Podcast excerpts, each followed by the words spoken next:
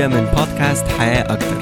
البودكاست اللي بتقدمه لك Increase علشان يساعدك تتقدم في كل جوانب حياتك وتعيش حياة أكتر كل يوم. أنا أحمد الشاذلي مقدم البودكاست وأنا ممتن ليك إنك بتسمعني. ضيفنا النهارده هو المخرج المبدع تامر عشري. أشهر أعماله هو فيلمه السينمائي فوتوكوبي الفيلم اللي حصل على جائزة أفضل فيلم عربي في مهرجان الجونة سنة 2017 فوتوكوبي هو الفيلم السينمائي الأول لتامر وحصل فيه على جائزة أفضل مخرج لأول مرة من جمعية الفيلم.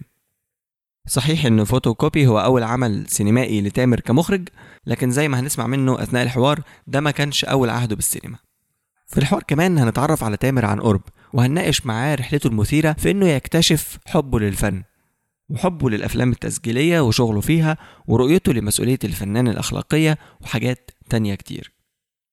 يلا بينا نستمتع بالحوار مع تامر عشري. أستاذ تامر أهلا بحضرتك. أهلا بيك. أنا سعيد جدا بوجودي معاك النهاردة وبشكرك على قبولك لدعوتنا. ميرسي جدا ليك وأنا سعيد إن أنا معاكم النهارده. في البداية أنا حابب إن إحنا يعني نبتدي من الأول خالص، إحنا قبل الحوار كنا بندردش شوية فقلت لنا إنك في البداية ما كنتش عارف إنك عايز تبقى مخرج، ممكن تحكي لنا وأنت صغير كنت بتفكر تطلع إيه؟ بص يعني مش هضحك عليك. وأنا صغير كان عندي نفس الأفكار بتاعت أي طفل اللي هو شوية عايز أبقى ظابط شوية عايز أبقى آه، مهندس شوية عايز أبقى دكتور. يعني كل الحاجات اللي ممكن بتمر على أي طفل في مرحلة الاكتشاف في عمره يعني إنه إنه إنه عايز يجرب حاجات كتير جدا آه، في مرحلة متقدمة من العمر آه، بصراحة شديدة مش هضحك عليك ما كنتش عارف أنا عايز أبقى إيه. يعني بالذات في المرحلة بتاعت ثانوية عامة دي اللي هي يبدا يتحط عليك آه، أفكار كده طول الوقت إنه آه، حد عايزك تبقى مهندس وحد عايزك تبقى دكتور وحد عايزك تبقى وفي الآخر بت... في مرحلة ما بتحس ماشي ما عنديش مشكلة إن أبقى مهندس.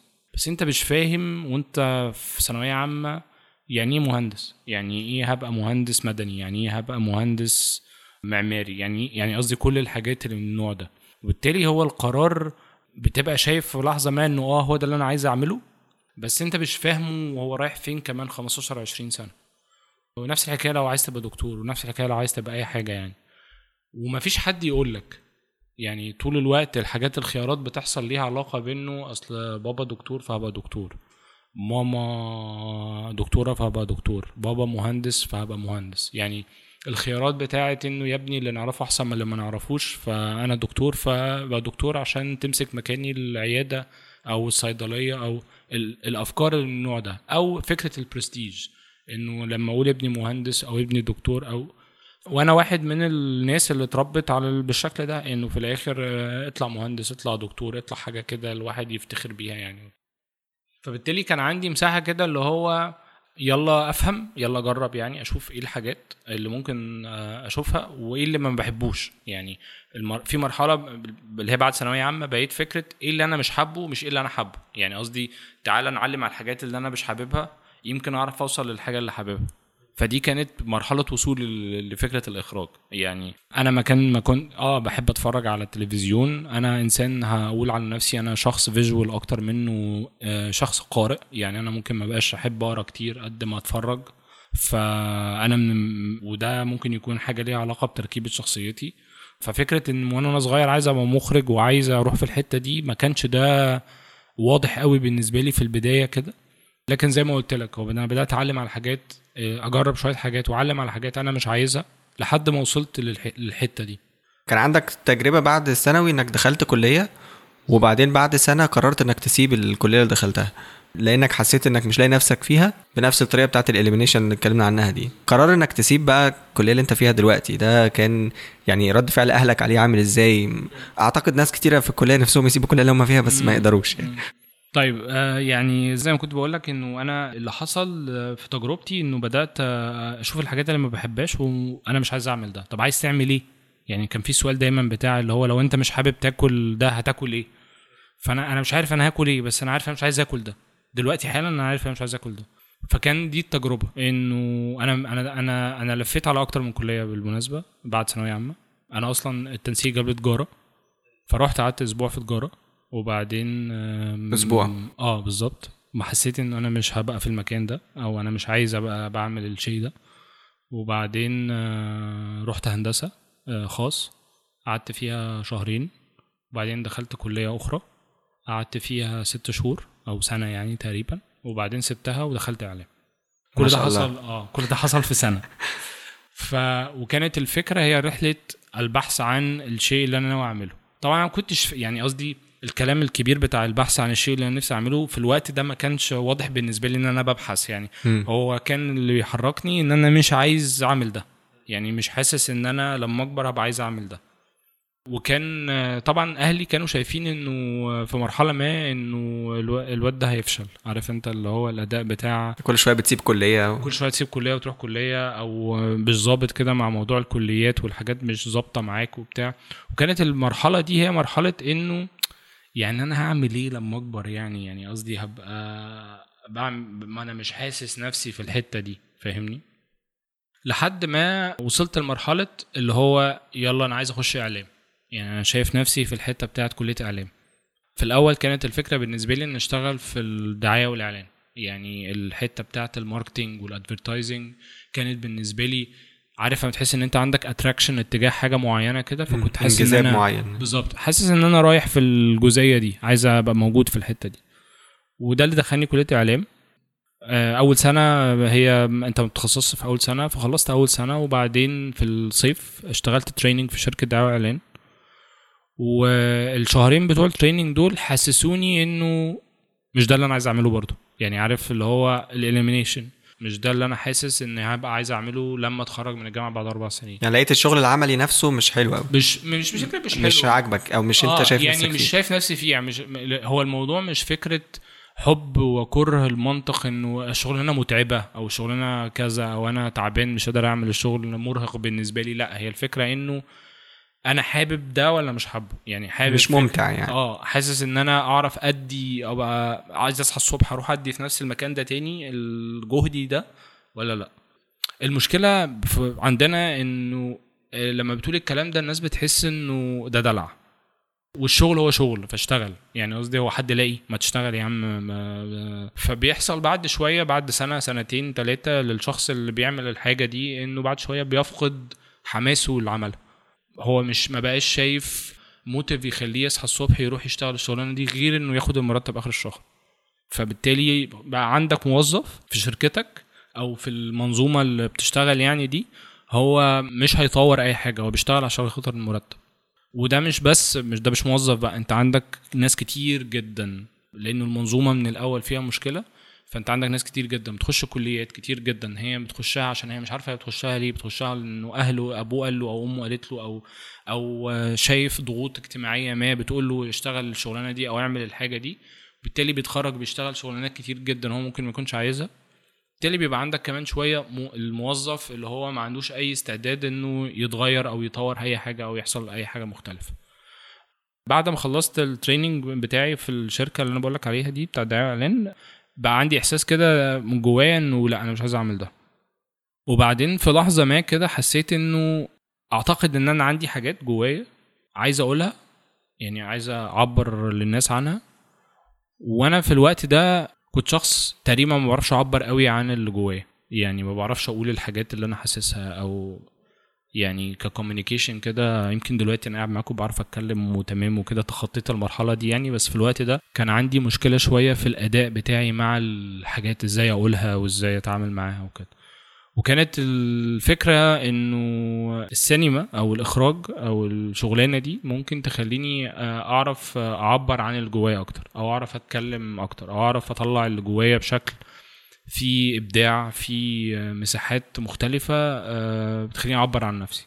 أنا فاكر إن أنا غيرت من دعاية وإعلان لإخراج وأنا في الطريق للجامعة. يعني أنا كنت رايح خلاص رايح على أساس إن أنا بقدم دعاية راح تحط آه، رغباتك بالظبط رغباتي في فكرة إن أنا هختار المواد اللي تخليني أروح لدعاية وإعلان. وصلت لمرحلة إنه لأ أنا هروح إخراج. في الطريق. بالظبط.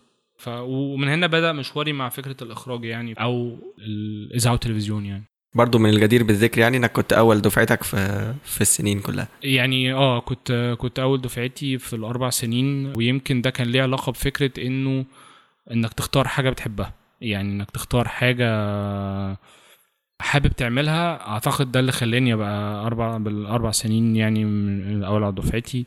وده كان غريب بالنسبة لأهلي. كنت لسه أقول آه ممكن دي تبقى صدمة بالنسبة للناس يعني قريبين فاكر إنه منك. آه يعني غريب بالنسبة لأهلي إنه مش غريب إن أنا بقيت لاعب الدفعه أكيد ده بالنسبة لهم شيء مفرح يعني بس إنه الاختلاف ده حصل. التطور ده بتاع ال- إنه لما بقيت بتعمل الحاجة اللي بتحبها آه، ده خلاك آه، تطلع اللي جواك بقى. يعني تبقى عايز تدي للشيء ده وعايز تطوره وعايز تشتغل عليه وعايز تبقى الأول على الدفعة وهكذا يعني. اشتغلت أثناء الكلية ولا أول شغل كان بعد بص اشتغلت أثناء الكلية يعني خليني أقول له أكتر كان تريننج اشتغلت معد إعداد في برنامج القاهرة اليوم مع عمرو أديب. الكلام ده كان في سنة 2004 2004 2005 أه، وفي 2005 في أواخر 2005 اشتغلت مساعد مخرج في برنامج لو فاكرين برنامج البيت بيتك كان أه، على التلفزيون المصري.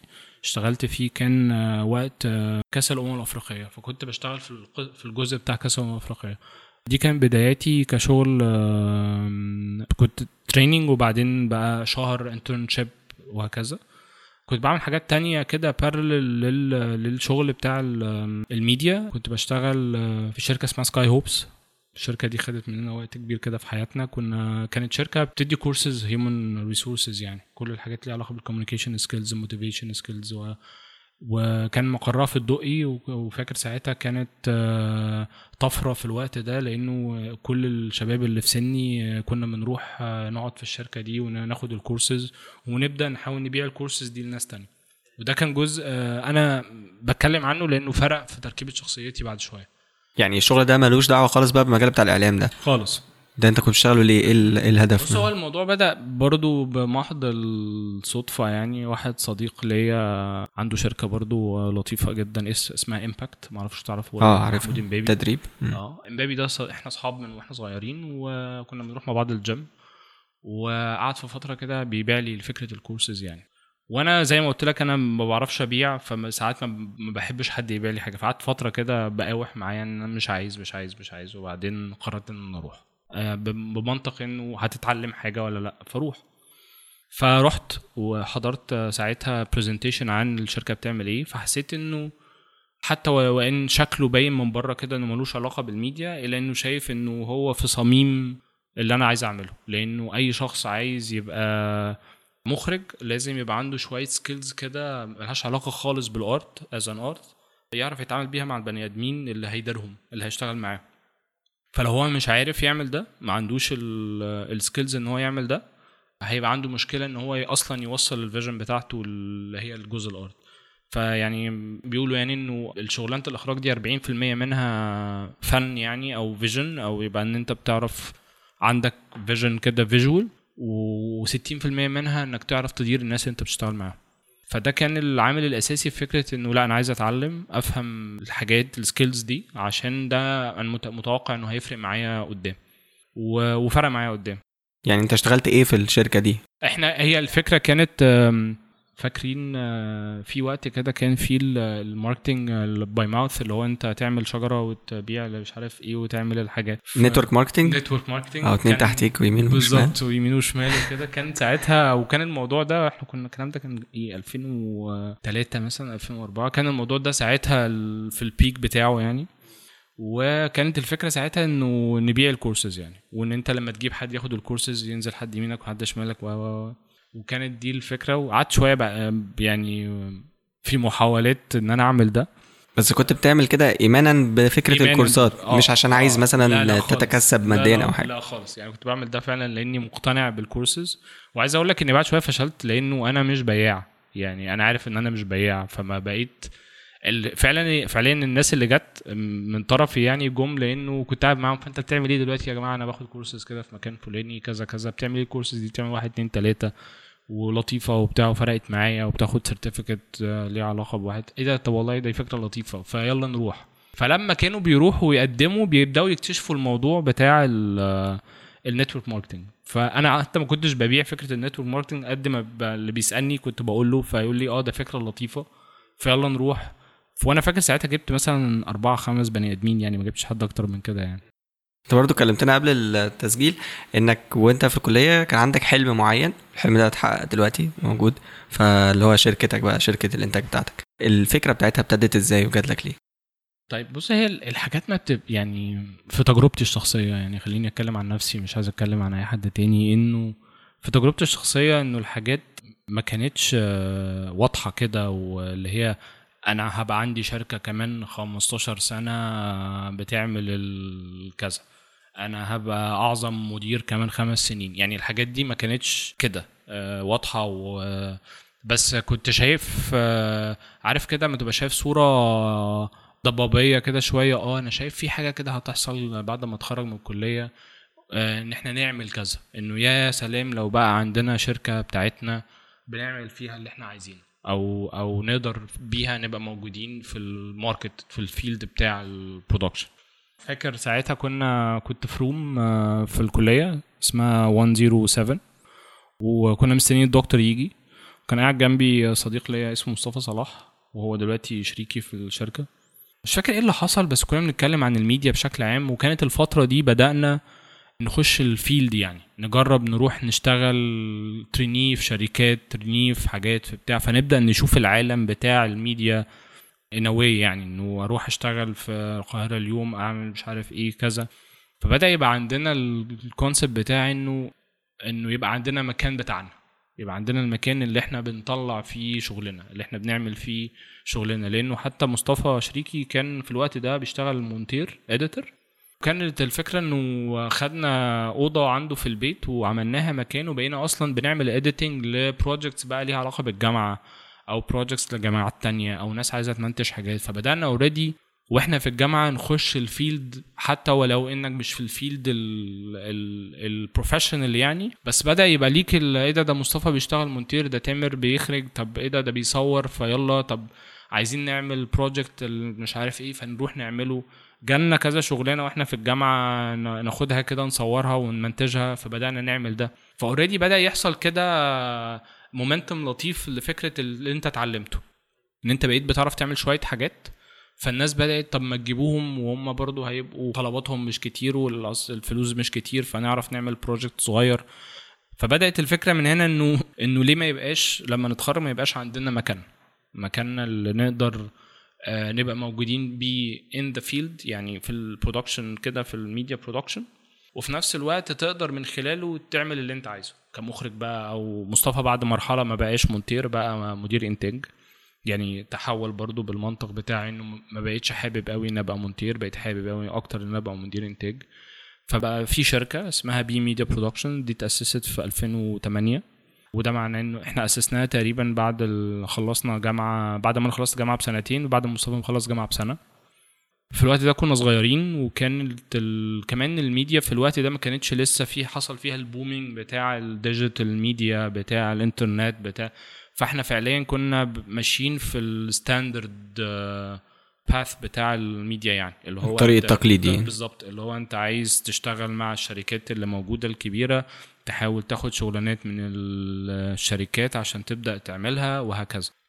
ما كانش لسه فكرة إنه أنا عندي كاميرا DSLR وعندي الكمبيوتر بتاعي يلا منتج. كان لسه ده في بداياته كده بيظهر في الكلام ده في 2008 وكمان يوتيوب وفيسبوك أعتقد ما كانوش مشهورين قوي في. الوقت ده لسه في. مصر يعني؟ بالظبط. ما كانوش لسه عملوا ال buzz اللطيف بتاع إنه إنه ينفع تبقى عندك your own project وتعمله أنت وتقفله وتطلعه على اليوتيوب أو على الفيسبوك أو كده. بس انت في السنتين اللي ما بين الكلية وبي يعني كنتوا شغالين برضو في الشركة بتاعتكم دي بس لسه ما.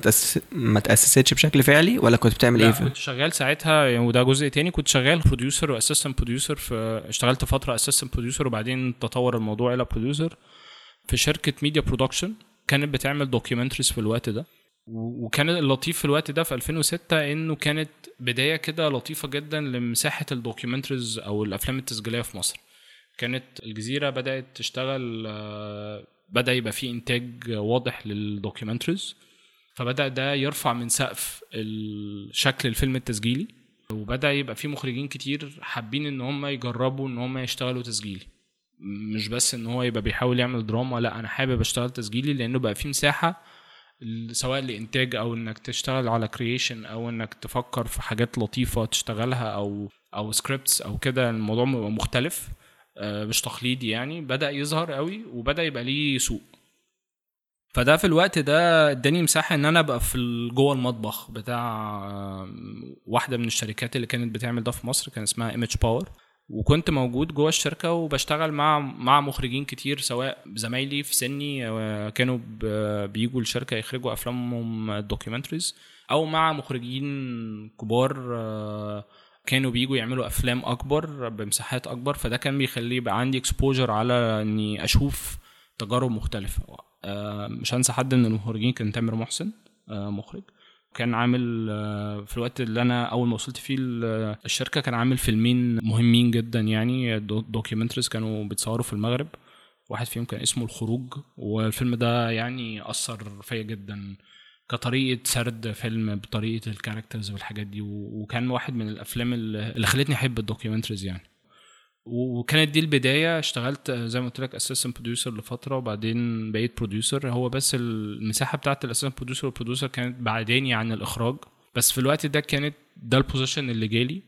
وفي نفس الوقت كنت شايف إنه ليه لأ؟ ليه لأ ما أشتغل assistant producer أشتغل producer لأنه ده هيديني مساحة إني أفهم الصورة الكاملة بقى اللي هي من أول ما الحاجات بتبدأ تروح آه، يحصل عليها شغل ك أو development كأفكار وك scripts لحد ما تسلمها للآخر آه، كفيلم. وال process ده هيعلمني كتير بعيدا عن فكرة الإخراج هيعلمك ال process كله overall وهيفرق معايا بعد كده. فاشتغلت لمدة تقريبا سنة سنة وشوية يعني في الأول كده producer وبعدين من نفس الشركة بدأ يجيلي آه، آه، أفلام تسجيلية صغيرة اللي هي خمس دقايق. ودي كانت بداية إخراجي بقى اللي هو يلا أشتغل مخرج يلا أعمل أول فيلم تسجيلي مدته خمس دقايق. آه، كان ساعتها عن واحد اسمه عم بندق. مش هنسى ده كان أول فيلم ليا وكان عم بندق ده اللي بيكتب على الدبل اللي بيتجوزوا آه بيكتب الأسامي وكده. آه واحد من أقدم الناس اللي بتكتب على الدبل وهو لسه بيكتب بالخط الايده مش بيكتب بالليزر بيكتب بخط ايده وكان عنده محل في خان الخليلي. كانت الفكرة إن إحنا نعمل زي documentary كده عنه وعن حياته وكتابته على الدبل و... وكانت دي أول أول تجربة ليا يعني. وبعديها توالت بقى التجارب الأفلام القصيرة. ده قبل بي ولا ده بعد؟ كل ده قبل بيه. ده تمام. كل ده تقريبا في السنتين اللي أنا بقول لك عليهم اللي هي 2006 2008 كان أواخر الحاجات اللي حصلت في 2008 انه جالي فرصة لطيفة جدا مع الشركة اللي هي Image Power إنه أعمل فيلم عن مدته 50 دقيقة عن رمضان في السودان ملامح رمضان في السودان. ودي كانت أول بداية ليا إن أنا أعمل فيلم طويل documentary وساعتها حتى كنت أصغر يعني هو كان سلسلة من ال documentaries آه، عن آه، رمضان في الم... والمدينة يعني رمضان في مدن مختلفة يعني. وأنا كنت تقريبا اصغر مخرج يعني آه، خد documentary يشتغل عليه وسافرت ساعتها الأرض سوري سافرت السودان. واشتغلت على الفيلم ده لمدة 10 أيام هناك وبعدين رجعت منتجته وكانت دي أول بداياتي لعمل فيلم تسجيلي طويل يعني. انت كمان بعد كده بالذات لما فتحت الشركة بتاعتك إزاي بتحكم على المشروعات أو الأعمال اللي بتجيلك؟ سواء بقى المشروعات دي فكرة من عندكم أنتم من جوه الشركة يعني أو فكرة جاية لكم من بره إمتى تقول الفكرة دي آه هنشتغلها؟ وامتى هل ممكن تقول لأ على فكرة مش هنشتغل فيها مثلا؟ بص في نوعين من المخرجين أو يعني في نوعين من الشغل.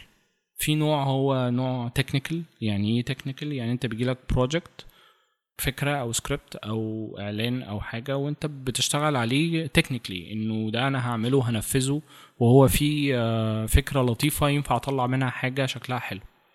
وفي نوع تاني من ال projects هو project عامل زي ابنك كده عارف؟ اللي هو أنت من الأول بتتبناه وتتعامل معاه على إنه آه، حتة منك. وده مش معناه إنه ال project التاني آه، يعني فكرته فيها مشكلة أو كده بس هو قرب وبعد ال projects منك عامل كده. في حاجات أنت من الأول بتديها كل وقتك عشان آه، تطلع بشكل معين وفي حاجات هي شغلانة technical فيها تقنيات فأنت بتتعامل معاها بالمنطق ده إنه إنه أنا هشتغل ال project ده أو الحكاية دي بالشكل ده. إزاي بقى بختار الحاجات اللي قريبة مني قوي كده ومصدق فيها و... هو الموضوع بيبقى مش هقول لك إن هو فيه أي نوع من أنواع العقل هو في نوع من أنواع ال emotions كده. أنت لما بتقرأ الحاجة بتحس إنه في حاجة كده بتحركك اتجاه الفكرة دي أو ال project ده سواء بقى documentaries سواء آه، أفلام فيلم الروائي الأول اللي عملته. كان في حاجة كده حسيت إن أنا عايز أتكلم عنها. يعني واحد من الأفلام ال documentaries اللي اشتغلت عليهم آه، كان اسمه لوم آه، لقمة نضيفة كان عن آه، شخصية اسمها واحد اسمه أحمد العدل. هو شغلته تنظيف الترانشات. الترانشات دي اللي هو الأماكن اللي ما فيهاش صرف صحي بيبقى عندهم ترانشات تحت البيوت. فهو آه، مهنته هي فكرة إنه يفضي الترانشات ال- آه، اللي موجودة تحت البيوت دي في المناطق دي ويروح يفضيها في أماكن تانية. فبالنسبة لي كانت آه، في لحظة ما لما جات لي الفكرة يعني واشتغلت عليها كان بالمناسبة كان ساعتها هيثم دبور اللي هو الكاتب السيناريو بتاع فوتوكوبي. فوتوكوبي. كان هو برضو صاحب الفكرة بتاعت ال documentary. وكنت بشتغلها مع مع معاهم يعني. ساعتها من أول ما قريت الفكرة قلت له يلا بينا نعمل ال documentary ده لأنه كان ساعتها في لحظة ما كده أنا كان عندي شغف و... و- وفضول إني أعرف الشخصية دي أروح أقابل الشخصية دي وأتكلم عنها وأعرف تفاصيل حياته كبني آدم يعني وإزاي بيتعامل مع الشغلانة ال- المتعبة دي فاهمني؟ أو اللي شغلها شكلها مختلف أو اللي مش ناس كتير جدا بتشتغلها. يعني ما نقدرش نقول الحاجة اللي بتشدك أصل برضو أنت بتعمل حاجات مختلفة عن بعض كتير. يعني مثلا أفلام وثائقية غير الإعلانات غير مم. الفيلم السينما. فأنا كنت بحاول أدور على القاسم المشترك اللي بينهم. الإجابة مش حاجة بقى إنه مثلا آه، في هدف معين بيجمعهم كلهم أو كده. الإجابة إنك فضولك للحاجة دي أو حبك ليها صح؟ هقول لك حاجة. ال- القاسم المشترك بينهم البني آدمين. بمعنى إيه بقى؟ يعني؟ بمعنى إنه هتلاقي معظم الحاجات هي مرتبطة قوي بشخصيات بني آدمين. يعني يعني هي حاجة شوية ليها علاقة بإنه أنا عايز أعبر عن مهتم بحكاوي الناس حكاوي البني آدمين وتفاصيل حياتهم ومعاناتهم اليومية وإزاي بيقدروا يتعاملوا مع المعاناة دي. بشكل بسيط مش بكلام كبير يعني. يعني دي الحتة اللي أنا. بحبها. ولو شفت فوتوكوبي هتلاقيه بيحاول يتكلم عن البني آدمين العاديين اللي عندهم أحلام عادية خالص. راجل آه، عنده محل فوتوكوبي و وعايز وراجل عجوز و- وعجوز وعايز بس يعني محدودة. طموحاته عادية جدا. الراجل عايز بس شوية ونس قبل ما يموت يعني وبس. ف فأعتقد إنه إنه لو هتسألني السؤال ده هقول لك إنه البني آدم وتفاصيله العادية دي هي اللي بيشدني. وبحس إنه بتقدر تقول من خلالها حاجات كتير جدا آه، بسيطة توصل للناس بشكل بسيط من غير ما تكبر المواضيع وتحس إنه تعم يعني يبقى عندك أفلام بتحكي تفاصيل كبيرة جدا بشكل بسيط. وقناعتي إنه الحاجات بتوصل للناس لما بتبقى بسيطة وقريبة منهم وشبههم. مش لما بتبقى ما عنديش أزمة مع الأفلام ال science fiction مثلا أو مع الأفلام الخيالية أو كده بس ما أعتقدش إنه هي من الحاجات اللي ممكن تشدني قوي يعني هل بتؤمن إن الفن ليه دور تعليمي للناس أو للجمهور اللي بيشوفه؟ بص الفن ملوش دور تعليمي. يعني قصدي فكرة التعليم دي بت- بتحصل في الأماكن اللي فيها تعليم. الفن ليه دور آه، توعوي ليه دور آه، خلينا نقول تفتيح دماغ ليه دور إنه يخليك تفكر إنه يخليك آه، تفهم حاجات معينة أو تشوف وجهات نظر مختلفة. آه، لكن هو الفن ما بيدكش حاجة بالمعلقة. يعني الفن مش زي التعليم آه عشان كده بقول لك ملوش دور تعليمي. هو ما بيدكش حاجة بالمعلقة. هو مش جاهزة يعني مش. بالظبط. هو بيخليك هو بيحفزك إنك تفكر أو بيحفزك إنك تشغل دماغك أو بيحفزك إنك تتعاطف مع شيء ما وبيسيبك. بيسيبك أنت بقى كبني آدم بعد ما بتخرج من باب السينما. انت اللي بتاخد قراراتك أو بت- بتكون قناعات عن حاجات معينة أو بتطور الشيء اللي انت شفته جوه السينما ده لشيء تاني خالص. في برضو حاجة أنا شخصيا يعني بحتار فيها ساعات. هل المفروض لو أنا بعمل عمل أيا كان نوعه بقى كتاب آه، يعني رواية مثلا أو حتى فيلم أو عمل فني هل المفروض إن أنا أعرض الواقع زي ما هو ولا أحط للناس الواقع اللي المفروض يطمحوا ليه؟ على أساس يعني إن العمل ده هيأثر فيهم فممكن لو أنا عرضت حاجة سلبية تزيد مثلا. اللي أنت بتقوله ده ليه علاقة بفكرة المعالجة. يعني أنت بتعالج الحاجة اللي أنت عايز تتكلم عليها إزاي. في الآخر مفيش حاجة بتقول إنه ده صح وده غلط. يعني في الآخر ينفع تعمل كتاب بيتكلم عن الواقع السلبي الحقيقي اللي موجود وينفع تعمل كتاب بيتكلم على نفس الموضوع بس بما سيكون. فدي في الآخر معالجة حاجة تكنيكال ليها علاقة أنت هتعالج الموضوع إزاي.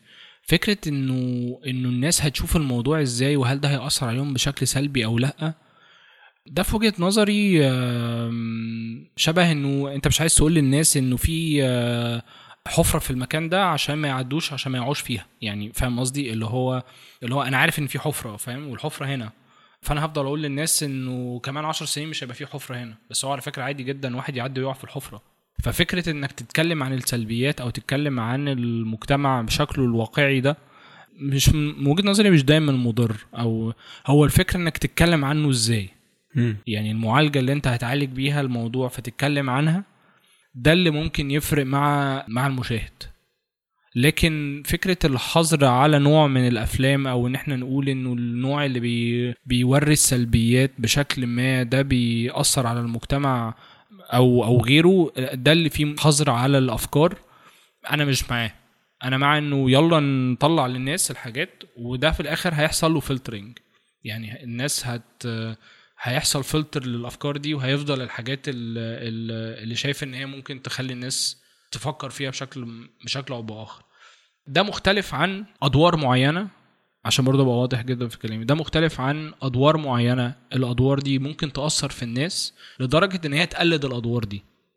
فاهم قصدي؟ أنا بتكلم على حاجتين مختلفين. بتتكلم عن أفلام واقعية بتنقل واقع سلبي وإحنا عندنا في تاريخ السينما أفلام كتير جدا. أفلام عاطف الطيب ومحمد خان ومخرجين كتير. أنا مش عايز أنسى حد.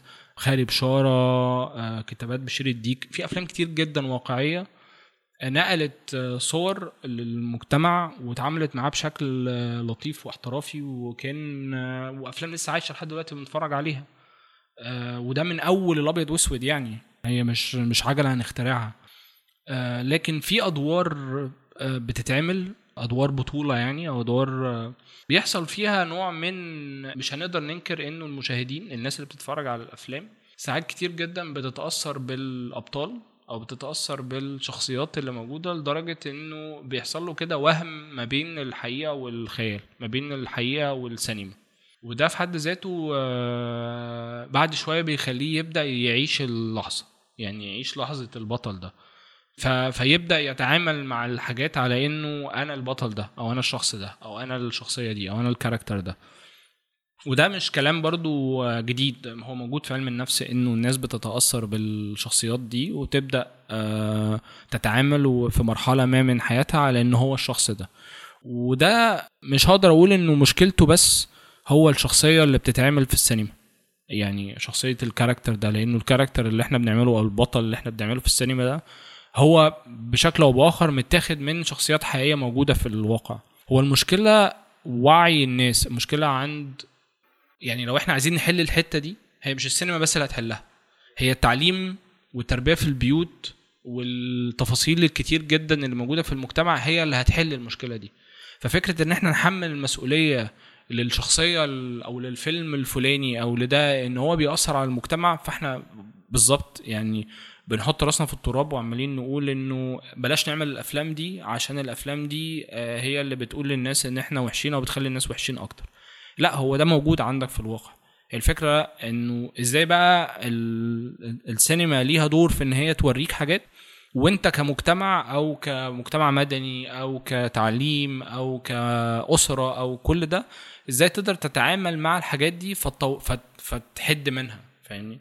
اللي هو جانب استعداد المشاهد نفسه إن هو يتأثر بده يبقى أقل. بالظبط. وده مش عشان بس ما نبقاش بنخت... بنقول كلام جديد. هو فين شفنا في العالم أفلام اتعملت عشان تغير من البني آدمين؟ والأفلام ما بتغيرش من البني آدمين. يعني خلينا بس برضو نبقى بندي كل حاجة حقها. الفيلم السيما مش هيغير من بني آدم. هو هينور عنده شوية حاجات. هو هيحفزه اتجاه شوية حاجات. تراكمات الحاجات بقى ورا بعض ده اللي ممكن يعمل تغيير في النهاية. يعني تراكمات الحاجات إنه يلاقي يخرج من فيلم تحفز اتجاه حاجة معينة فيلاقي المجتمع بيقول له حاجات تانية إنه ما تتحرش إنه التحرش ده شيء وحش إنه كذا إنه كذا إنه كذا هيبطل. يعني بعد شوية الحكاية هت هتخف.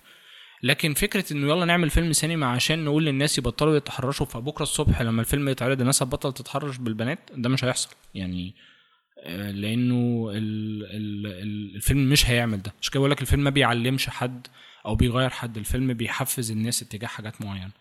وده مش وأنا مش ضد أو مع بقى إيه اللي بيتقال. يعني قصدي في الآخر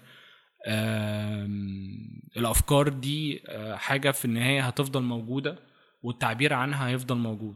الحد منها هو ده اللي شبه اللي أنا بقول لك عليه إن إحنا عندنا حفرة موجودة ومش عايزين نقول للناس إن في حفرة هنا عشان ما حدش يقع فيها.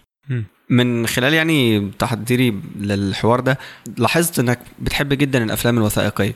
أو بتشتغل فيها كتير قوي على الرغم من إن في العرب أو المجتمع العربي بشكل عام المنصات الإذاعية أو المنصات اللي بتذيع الحاجات دي للناس يعني للمشاهدين مش كتيرة قوي يعني. زي ما كنا بنتكلم قبل كده مفيش غير الجزيرة تقريبا الوحيدة ومعرفش حاليا برضو نشاطها قد إيه في المجال ده. فإيه الصعوبات اللي كنت بتواجهها في الموضوع ده؟ وإيه سر حبك ليه للناحية دي؟ بص هو هو الفيلم التسجيلي كف- كفورم إنتاجي يعني ملوش ملوش في العالم العربي آه، أنا مش بتكلم على على الجمهور أنا بتكلم على القنوات أو ال- الناس اللي بتنتج يعني. آه، ما بيبقاش عندهم قوي شغف في اتجاه إنتاج الأفلام التسجيلية. ليه؟ لأسباب كتير ليها علاقة بالمساحات تسويقها لأنه مساحات تسويقها طول الوقت محدودة. آه، ما عندكش إحنا مثلا في قنواتنا المصرية الفضائية المصرية كل الفضائيات يعني. قليل قوي لما تشوف فيلم تسجيلي أو تشوف آه، برومو عن فيلم تسجيلي هيتعرض كمان آه، ساعة على ال... ده ما بيحصلش انت يا إما عندك talk shows أو برامج يا إما عندك مسلسلات أو أفلام, أفلام سينما. أو حاجة من هذا القبيل. فما عندكش ال form بتاع التسجيل. وفي مرحلة ما كان ال- كان التلفزيون المصري بيحاول يحافظ على ال form ده بس في النهاية كان بيحاول يحافظ عليه بشكل إنتاجي محدود فبالتالي ما كانش فيه مساحات إنتاجية محترمة. آه، أو يعني فيها فلوس تقدر تعمل بيها فيلم تسجيلي يقدر يخلي الناس تبقى عايزة تشوف الفيلم ده. ومش بس الفلوس لأنه في ساعات كتير جدا أفلام تسجيلية مش محتاجة تتكلف على قد ما هي محتاجة تتعمل كويس. فبالتالي ما كانش في شغف على الحتة دي وما الناس ما بتشتغلش عليها قوي. فكان فيها فراغ في المجتمع العربي في العالم العربي عامة كان فيها فراغ. اللي سد الفراغ ده في وقت من الأوقات كانت الجزيرة. وكان في العربية اللي هي تبع ام بي سي بس حتى العربية ما كانتش بتنتج بغزارة زي الجزيرة العربية كانت بتنتج أفلام تسجيلية لأنه كان عندها حاجات تانية عندها برضو برامج وأخبار و لكن اللي كانت بتنتج بغزارة في الوقت ده كانت الجزيرة. ومش هنقدر ننكر إنه هي فتحت سقف مختلف جدا للفيلم التسجيلي في العالم العربي في خلال العشر سنين اللي فاتوا أو ال 12 سنة اللي فاتوا أكتر كمان. إيه سر يعني إنجذابك للمجال ده على الرغم من ضيق الحدود بتاعته في العالم بتاعنا؟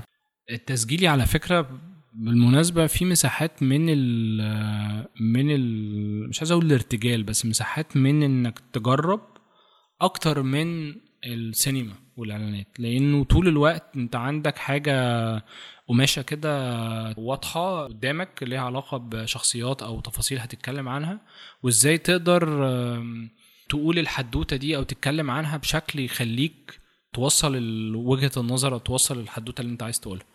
آه وده اللي كان شاددني طول الوقت في التسجيل. هي فكرة إنك تنزل تتعامل مع البني آدمين الحقيقيين وتحاول تطلع منهم حاجة شكلها درامي حاجة شكلها يخلي المشاهد اللي في البيت يبقى عايز يتفرج عليه زي ما هو عايز يتفرج على المسلسل. ده في حد ذاته challenge مش مش مش مش سهل.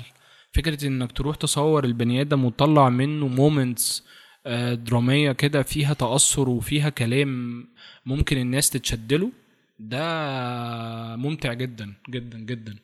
هنقل على نقطة تانية بس عايز الأول أشرح للناس أو حضرتك يعني تشرح للناس المخرج ده دوره إيه بالظبط في الفيلم ومرحلة إنتاج الفيلم نفسها بتتعمل إزاي؟ هل بيفرق التسجيلي عن الفيلم العادي ولا لأ؟ المخرج بشكل بشكل بسيط هو الشخص ال- المسؤول عن إنه يحول الفكرة أو يحول السكريبت أو السيناريو إلى صورة.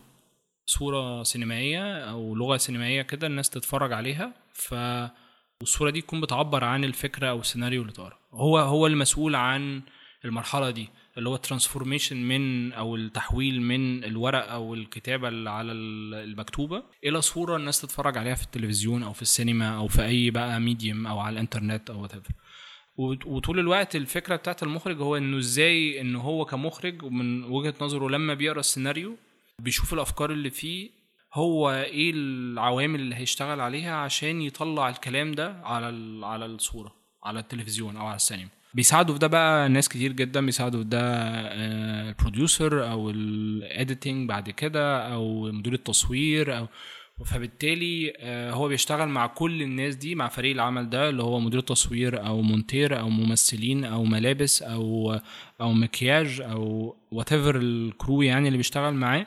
عشان يوصلوا الصورة دي أقرب للناس من اللي مكتوب في الورق. فاهمني؟ فهو محتاج يوصل ال vision بتاعته للناس دي عشان يشتغلوا معاه. دي شو دي شغلانة المخرج. انت كنت بتسألني حاجة تانية؟ في فرق بين الفيلم التسجيلي وبين فيلم السينما في الشغل ده؟ بص هي في الآخر المهنة يعني آه، الشغلانة كمهنة يعني ما بتختلفش كتير قوي بين إن أنت بتعمل ده في السينما أو في أو في ال documentaries لأنه في الاتنين أنت محتاج تاخد السكريبت تحوله لصورة. لكن شكل الشغلانه مختلف. يعني مثلا في السينما الحاجات واضحة من الأول. يعني إيه؟ يعني أنت عندك سكريبت مكتوب فيه تفاصيل فيه حوار هيتقال بين الممثل الفلاني والممثل الفلاني. فأنت عارف إن الحوار ده هيتقال بشكل واضح فأنت في الآخر هتصوره بشكل واضح. في ال documentaries ده مش واضح. المشهد اللي أنت هتنزل تصوره بين أحمد وبين آه، آه، أي حد تاني من الناس المشهد ده مش واضح هيتصور إزاي. يعني قصدي أنت مش عارف في اللحظة دي الناس هتقول إيه بجد؟ لأنه في السكريبت السينما أنت عارف الناس هتقول إيه مكتوب لك. هناك أنت مش عارف هم يقولوا إيه أنت هتحاول تطلع منهم كلام معين. ففكرة أنت هتصوره إزاي أو هتخليه أو أو فيجوالي هيحصل إزاي ده طول الوقت بيفضل فيه نوع من ال مش عايز أقول ارتجال بس نوع من إنك بتنزل وتجرب وتشوف الحاجات هتحصل إزاي on set عن إنه في السينما الحاجات بتحصل بشكل واضح. هي واحد اتنين هحط الكاميرا هنا هعمل كذا بتاع. مساحة ال- التغيير في الحاجات أقل من ال documentaries أنت في ال documentaries ممكن تفضل تغير في ال في طريقة السرد أو في ال- أو في تركيب المشاهد أو ال shots لحد ما بتروح ال edit لحد ما بتطلع النسخة الأخيرة. يعني السينما أسهل؟ لا. ده ما بي ده ما بيخليش إن السينما أسهل. بالعكس السينما ليها ليها مساحات من الصعوبة مختلفة عن التسجيل خلينا نقول كده. يعني هو مش فكرة مين أسهل من مين هو فكرة إنه هنا في صعوبة مختلفة عن هنا. يعني ده ليه صعوبة بشكل مختلف محتاجة طريقة تعامل مختلفة وده ليه صعوبة مختلفة تماما عن التسجيلي محتاجة طريقة تعامل مختلفة. الفكرة إنك إزاي تقدر توصل إن أنت تعرف تعمل الاثنين نوع شغلك عموما شغل فيه نوع من الإبداع كبير. إزاي بتخطط للشغل بتاعك ده؟ يعني مثلا بترتب المشاريع بتاعتك إزاي؟ هل بتشتغل على كذا حاجة في نفس الوقت ولا لأ؟ بص لو حاجة كبيرة لو حاجة طويلة زي فوتوكوبي مثلا ما بشتغلش على حاجة تانية جنبه. يعني أو بحاول على قد ما أقدر ما أشتغلش على حاجات كتير تانية جنبه. يعني ممكن أشتغل على حاجة صغيرة قصيره جنبه. آه لكن لو اشتغلت على فيلم آه سينما طويل آه زي فوتوكوبي أنا اتفرغت يعني تقريبا للفيلم لمدة سنة ونص أو سنتين. حاولت كتير يعني وساعتها كان بيجي لي حاجات جنبه بس ما كنت كنت بحاول يعني أعتذر عنها على قد ما أقدر. ونفس الحكاية في التسجيل الطويل. التسجيل الطويل بياخد وقت ومجهود وتفكير فكنت بحاول كتير قوي لما بشتغل تسجيل طويل إنه ما أعملش حاجة تانية جنبه أو ما بيبقاش عندك وقت أصلا تعمل حاجة تانية جنبه. لكن في مساحات كده بين البينين اللي هو بيبقى عندك projects صغيرة شوية. يعني فيلم تسجيلي بس 15 دقيقة أو نص ساعة فبيبقى عندك option إن أنت تعمل حاجة تانية جنبه فاهمني؟ إزاي بتفرق ما بين شغلك أنت الخاص كتامر لوحده وشغلك مع بيه وخصوصا كمان إنك أنت المدير التنفيذي بتاع الشركة؟ تنظيم طيب هو ده هو هو في فصل تام جدا وده حصل من الأول خالص آه، بالاتفاق بيني وبين شريكي يعني وهو نفس الحكاية إنه يبقى في فصل تام بين الشخصية اللي هي الاعتبارية بتاعت بتاعتنا جوه بيه وبين إحنا كأشخاص بره. يعني لأنه لو حصل خلط في في الحالتين هو هيضر الاثنين يعني هو هيضر الشركة وهيضر الشخص نفسه. وبالتالي آه، الناس عارفة بره بيه إن أنا راجل مخرج freelancer بشتغل على projects لو حد عايزني في project بيكلمني على التليفون يقول لي يا تامر إحنا عندنا project فلان فلاني تعالى اشتغل معانا عليه. وال projects اللي بتيجي بيه هي بتيجي بيه لأن هي جاية بيه مش جاية لتامر جوه بيه. فاهم قصدي؟ يعني هي جاية بيه لأنه الناس اللي عايزة تشتغل مع الشركة عايزة تشتغل مع الشركة. هتشتغل مع الشركة لأنه الشركة بتديهم services معينة ب quality معين ب, ب آه، وحابين يشتغلوا مع الناس اللي جوه الشركة كلهم وده كانوا حريصين من الأول إنه يبقى ال team اللي بيشتغل جوه الشركة. يعني عايز أقول لك حاجة في ناس كتير جدا ساعات كتير جدا ما تعرفش إن أنا شريك في الشركة. وما تعرفش وفي ساعات كتير جدا من project بتخلص وبتمشي. في ناس تقول إيه ده إحنا كنا في بيه امبارح ومش عارف إيه وبتاع. آه والله أنتوا كنتوا عندنا. فهو يقول لي إيه ده أنت موجود في بيه. آه أنا موجود في بيه بس يعني. فبالتالي بقت الفكرة إنه الناس مش محتاجة تشوفني عشان تيجي تشتغل في بيه. الناس بتشتغل في بيه لأنه في team بيشتغل في بيه. ال team ده على مستوى من ال quality ومن الاحترافية إنه الناس تبقى حابة تشتغل معاه. بعيدا بقى عن تامر المخرج اللي بيعمل documentaries بره أو سينما بره أو whatever أصل الاثنين يعني مثلا شغلك الخاص وشغلك مع الشركة هما الاثنين في نفس المجال. إزاي ما بيبقاش في التعارض بتاع المصالح أو هقول لك. مثلا آه خلينا ناخد مثال. إنه جه project لبيه إعلان. حلو؟ الإعلان ده آه شركة ما عايزة تنفذه. رشحوا لنا يا جماعة مخرجين. حلو؟ فبيحصل إيه؟ إنه يا جماعة عندنا المخرج الفلاني والمخرج الفلاني والمخرج الفلاني والمخرج الفلاني. ال- دول أربع مخرجين أهو أو ثلاث مخرجين. إحنا ممكن نجيب لكم منهم treatments treatments دي زي معالجة كده لل project بتاعكم وانتوا اختاروا ما بينهم وإحنا هنعمل لكم budget فاهمني؟ في الآخر أنا ممكن أبقى واحد من الثلاثه وساعات وسا- وساعات ممكن ما بقاش أصلا واحد من الثلاثه ليه؟ لأنه ال project نوعية ال project اللي جاية ما تناسبنيش أنا كتامر. ممكن تناسب حد تاني. فبالتالي إحنا بنرشح الأنسب لل project مش بنرشح تامر عشان هو صاحب الشركة. والناس عارفة ده أو بنحاول مع الوقت نبني ده. فأنا ما أضرش إنه يقول لك لا أنا مش هودي ال project ده بيه عشان لو اديته بيه هيقول لك إحنا عايزين تامر يخرجه لأنه عادي جدا يبقى ال client أو أو الشركة اللي جاية مش عايزة مش عايزانا أنا أخرجه عايزة حد تاني يخرجه. وبالتالي أنت عايز تديهم الحرية إن هم يعملوا ده عشان الشركة مش عشانك أنت كتامر يعني. فدي مثلا الحكاية. بس في projects تانية بتيجي من الأول خلاص هي جاية project كله جاي الشركة وأنا هخرجه فبخرجه.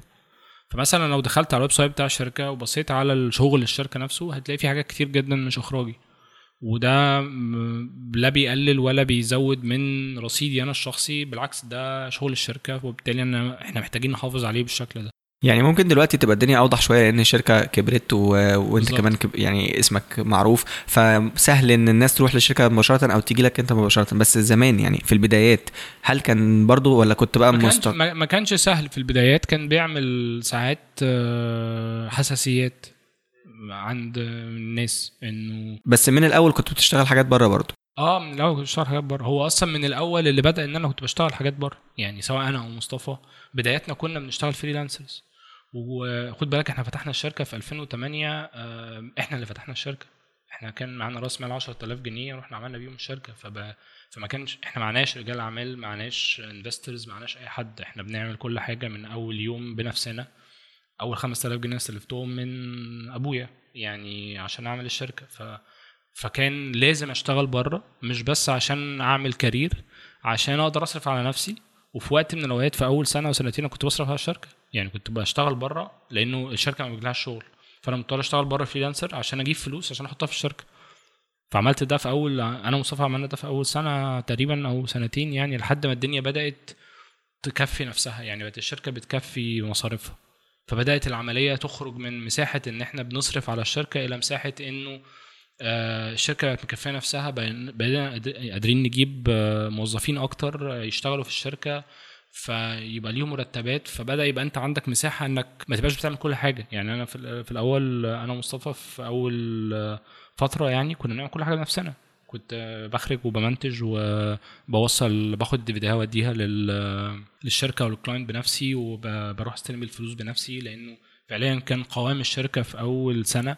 ثلاث بني آدمين أو أربع بني آدمين يعني ال office boy وأنا ومصطفى وحد تاني محاسب. دلوقتي قوام الشركة إحنا بنتكلم في 15 20 آه، فرد يعني. نيجي بقى لنقطة تانية مهمة جدا وهي النقلة اللي حصلت بقى من ال documentaries أو ال documentaries الاعلانات يعني لفيلم السينما بقى أو فيلم فوتوكوبي هو سؤال أنا عارف إنك زهقت منه بس هي النقلة دي مش بتخوف؟ هي بتخوف طبعا مش سهلة يعني قصدي. آه بس هي هي ما جاتش في يوم وليلة وده محتاج أوضحه إنه هي السينما بدأت آه، بدري شوية عندي بمنطق إنه حتى وأنا بعمل تسجيلي والشركة موجودة بدأت أشتغل مساعد مخرج مع مجموعة من المخرجين. أكتر حد اشتغلت معاه في الوقت ده كان من بدايات 2009 كان أستاذ مروان حامد. اشتغلت معاه إعلانات كنت محظوظ ان يبقى مع team إخراج اداني مساحة إني أتعلم كتير جدا.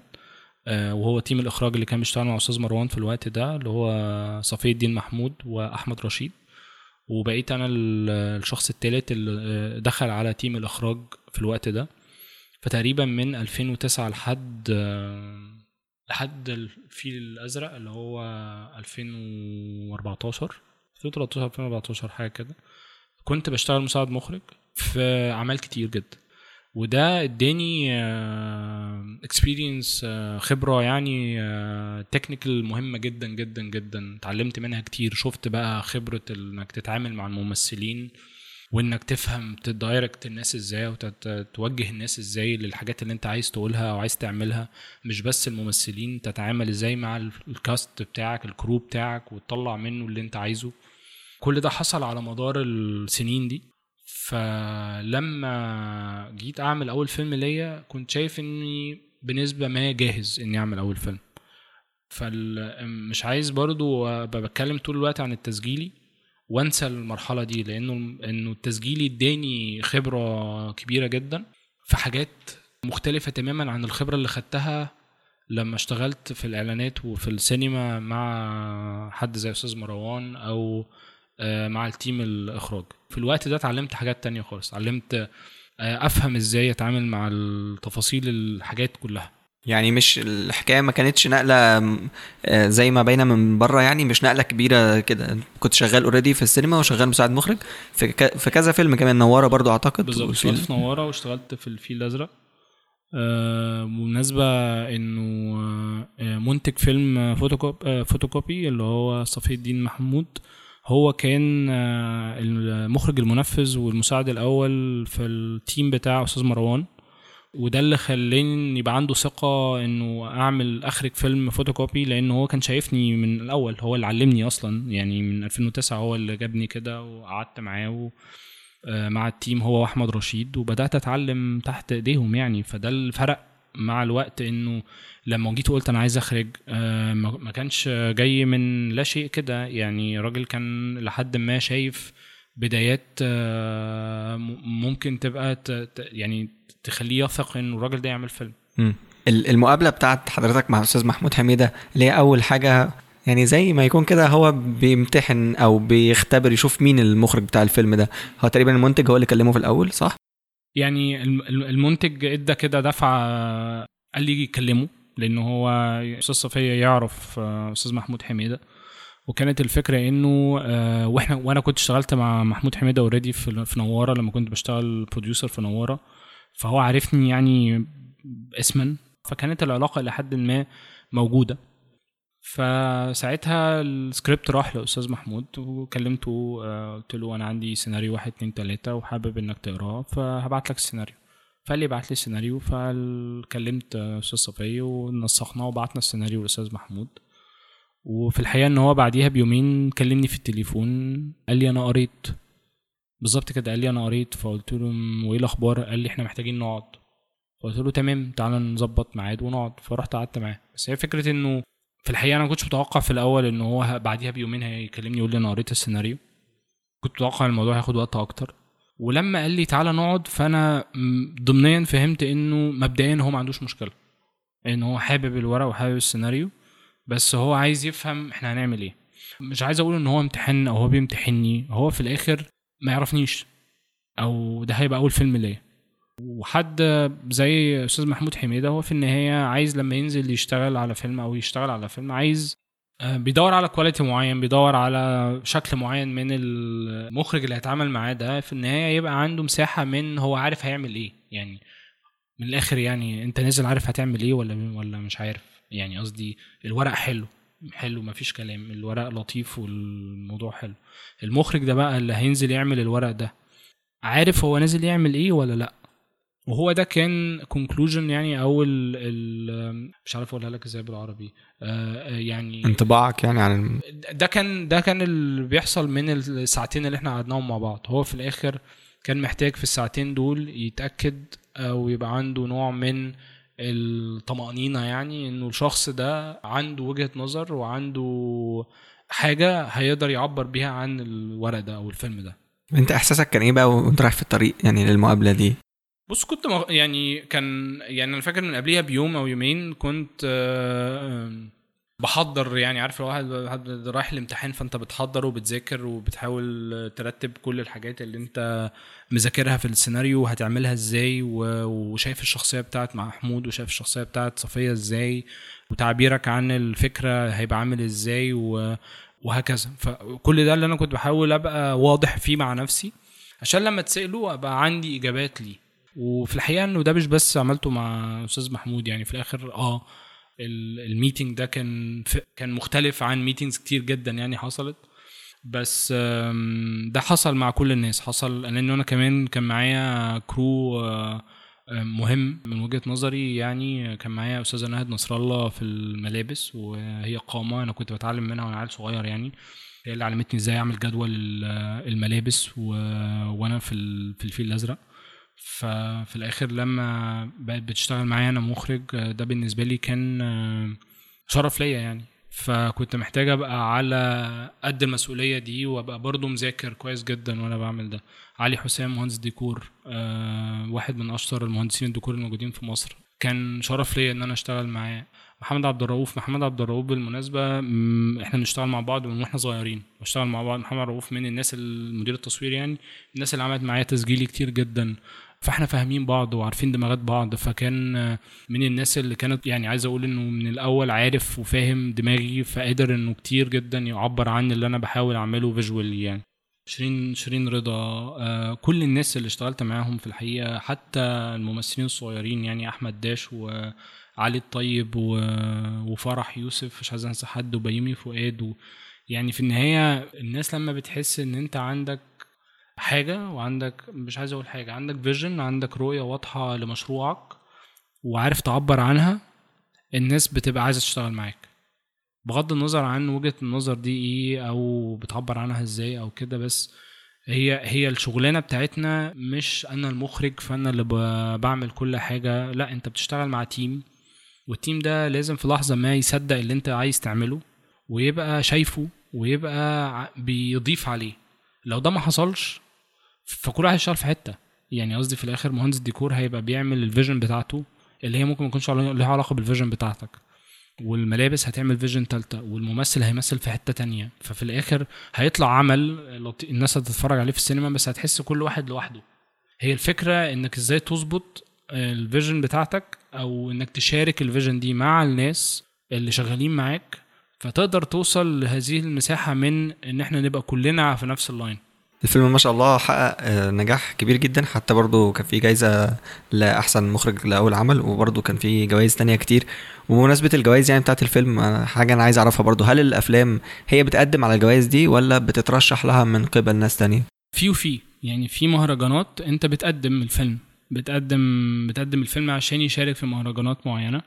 وفي جوائز بتبقى بالترشيح يعني قصدي بتحصل بمنطق إنه بيحصل كده تقييم أحسن خمس أفلام في سنة 2017 فالأحسن خمس أفلام دول بيخشوا مهرجان آه، مثلا جمعية الفيلم وبالتالي مهرجان جمعية الفيلم بيبدأ لجنة التحكيم فيه تختار الأحسن مخرج عمل أول أو أحسن مخرج أو أحسن فيلم على أساس ده. ف...